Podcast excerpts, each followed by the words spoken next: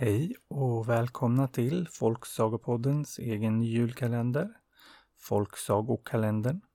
Och det är redan dags för lucka nummer fem. Jag tycker att det går fort och det tycker jag är roligt. För jul tycker jag ju om. Och i dagens lucka så hittar vi Doktor Per. Och han kommer här. Det var en gång en bonde som hette Per. Han var ganska vanlig och som de flesta bönder är. Fast han var faktiskt ganska mycket latare än de flesta bönder. Och så tyckte han att hans fru var lite tjatig. Så som lata människor ofta kan göra.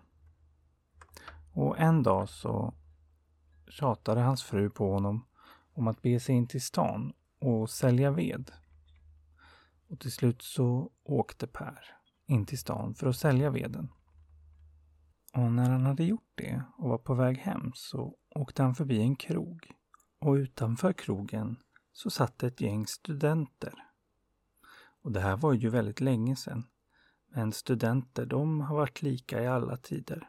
När de inte pluggar och är väldigt allvarliga, då måste de helt enkelt skräna och skämta en massa istället. Så de kom på att de ville göra ett litet spratt med bonden som åkte förbi. Så de bad honom stanna och så ropade de till sig honom. Och så tog de med sig honom till universitetet där de studerade. Och där stal de en doktorshatt och satte den på Per. Och dessutom stal de en rock som de också satte på honom. Och så sa de att nu är du minsann doktor. Så från och med nu måste alla kalla dig för doktor Per. Och det tyckte ju Per lät väldigt bra. Och han hörde inte hur mycket studenterna skrattade när han åkte iväg med sin nya hatt och sin rock. Doktor Per.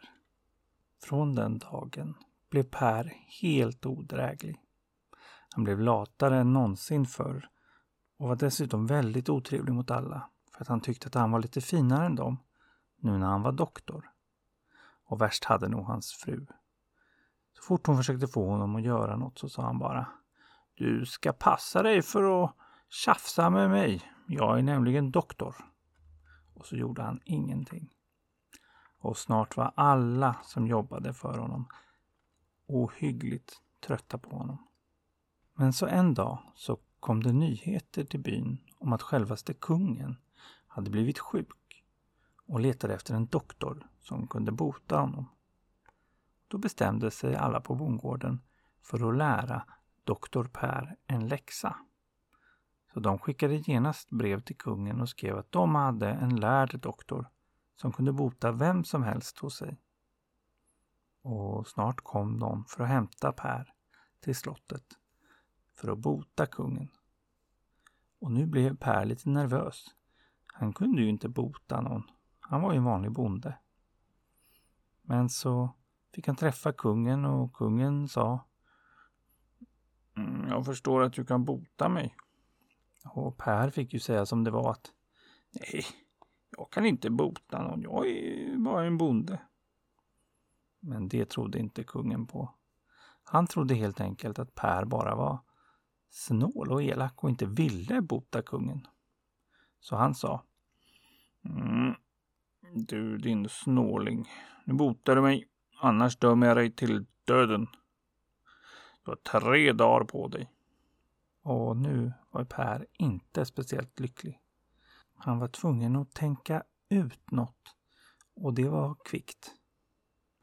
Så kom hon att tänka på en gång då han själv hade varit sjuk. Vad var det han hade fått då? Han hade fått någon kokt brygd gjort på massa örter. Ja, han får väl försöka det då. Det var bättre än inget. Så utanför slottet så ryckte han upp lite grönt som han kunde hitta. Och så kokade han det länge, länge. Tills det såg ut som ungefär det han hade fått när han var sjuk.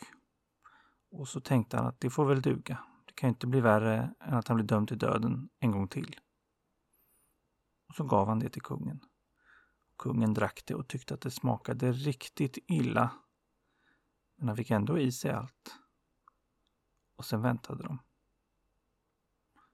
Och faktiskt, Per måste haft en ohygglig tur med just de gröna blad han drog upp. För redan dagen efter var kungen mycket bättre. Och han belönade Per med en stor säck silvermynt. Och sa att han visste att doktor Per minsann hade ljugit och att han kunde bota honom. Och Per åkte hem och kände att det var en himla tur att han hade klarat sig. Men han var ju som han var, så han hade inte lärt sig någon läxa, utan blev om möjligt ännu värre nu när han dessutom hade botat kungen. Och inte långt därefter så kom det nyheter igen om att kungen hade blivit bestulen och en ask med ädelstenar och annat dyrbart. Och att de behövde någon som kunde lösa det här hemska brottet. Då bestämde sig folket på bondgården att återigen lära doktor Per en läxa. Så de såg till att det blev skrivet till kungen att doktor Per, han var inte bara läkare, han var den främsta detektiven och tjuvhittaren man kunde tänka sig. Och kort därefter så kom någon och hämtade doktor Per till slottet igen. Och han fick träffa kungen som sa Ja, jag vill att du löser vem som har stulit mina ädelstenar. Och då fick ju Per säga som det var. Han var ju bara en bonde. Han kunde inte lösa några brott. Han hade ingen aning om hur det gick till. Men det trodde inte kungen på. Han trodde bara att Per var sådär snål igen, så han sa Nu löser du brottet. Annars blir du dömd till döden. Du har två dagar på dig den här gången. Dessutom så skulle Per den här gången bli inlåst på slottet tills han hade löst brottet. Så de låste in Per. Men att vara fängslad i ett slott, det är inte som att vara fängslad i ett fängelse. Tvärtom har man det ganska bra. Hela tiden kom det en massa olika tjänstefolk och gav Per mat och varma sockor. Och per blev alldeles fascinerad att det kunde finnas så där många människor som bara jobbade med att passa upp folk som var inlåsta. Så han bestämde sig för att försöka räkna hur många tjänare kungen faktiskt hade. Så nästa gång det kom in någon så sa han Där var den första. Och när det kom in en till sa han Där är den andra. Och när det kom in en tredje sa han Där är den tredje. Och sen hann han inte längre. För då började de tre tjänarna som kommit in genast att storgråta. Och så erkände de för Per att det var de som hade tagit skrinet. Fast det visste han ju förstås redan. Han hade ju avslöjat dem så fort de kom in i rummet. Per hade ju inte alls tänkt avslöja någon.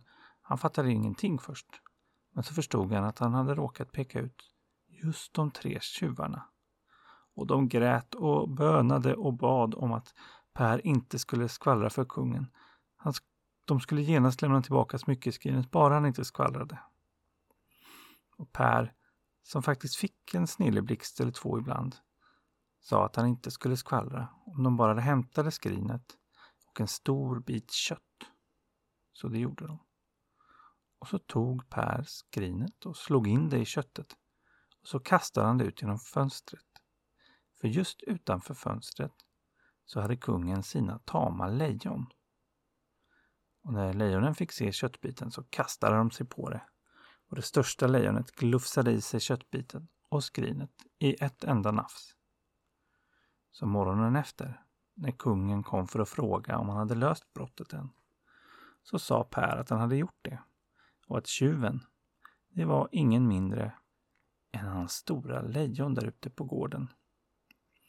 Och det tyckte kungen lät konstigt. Men han fick väl lita på doktor Per då.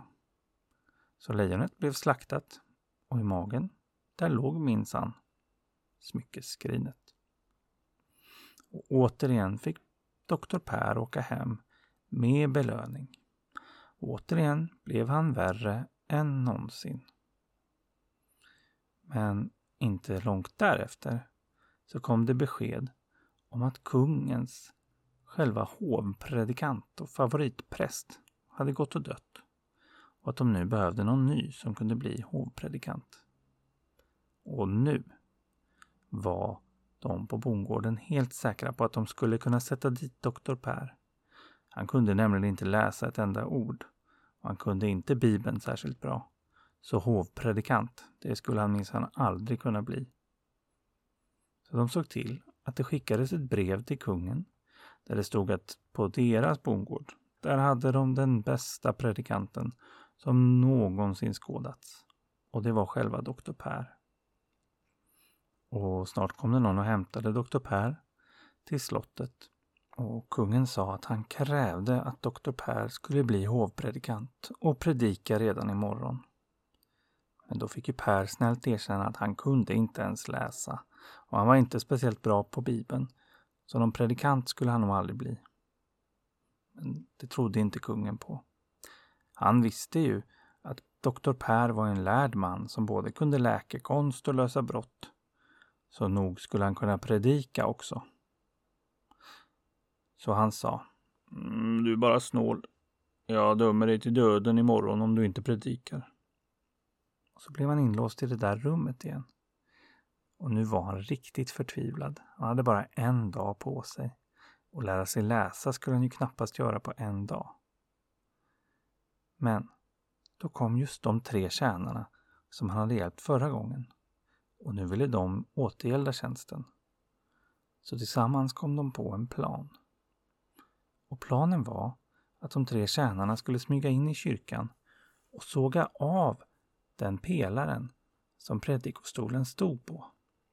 Så det enda doktor Per behövde göra dagen efter, det var att säga några ord som han kunde memorera och sen slå hårt med näven i predikstolen, för det brukade den förra predikanten göra när han tyckte något var extra viktigt. Så skulle den rasa ner och då skulle ingen tycka att han skulle fortsätta predika, så då skulle han bli fri. Och när Per visste det så blev han lugnare och gick och la sig. Och morgonen efter blev han tagen till kyrkan som var smockfull och längst fram satt kungen och såg förväntansfull ut. Och Per klev upp, sa de orden han memorerat och så slog han näven i predikstolen som genast rasade ner med en stor smäll. Och då tänkte Per att nu har jag kommit undan. Men kungen, han var mäkta imponerad. En sån pangpredikant måste han ju bara ha. Som kan ställa till med sådana där spektakel efter bara några ord.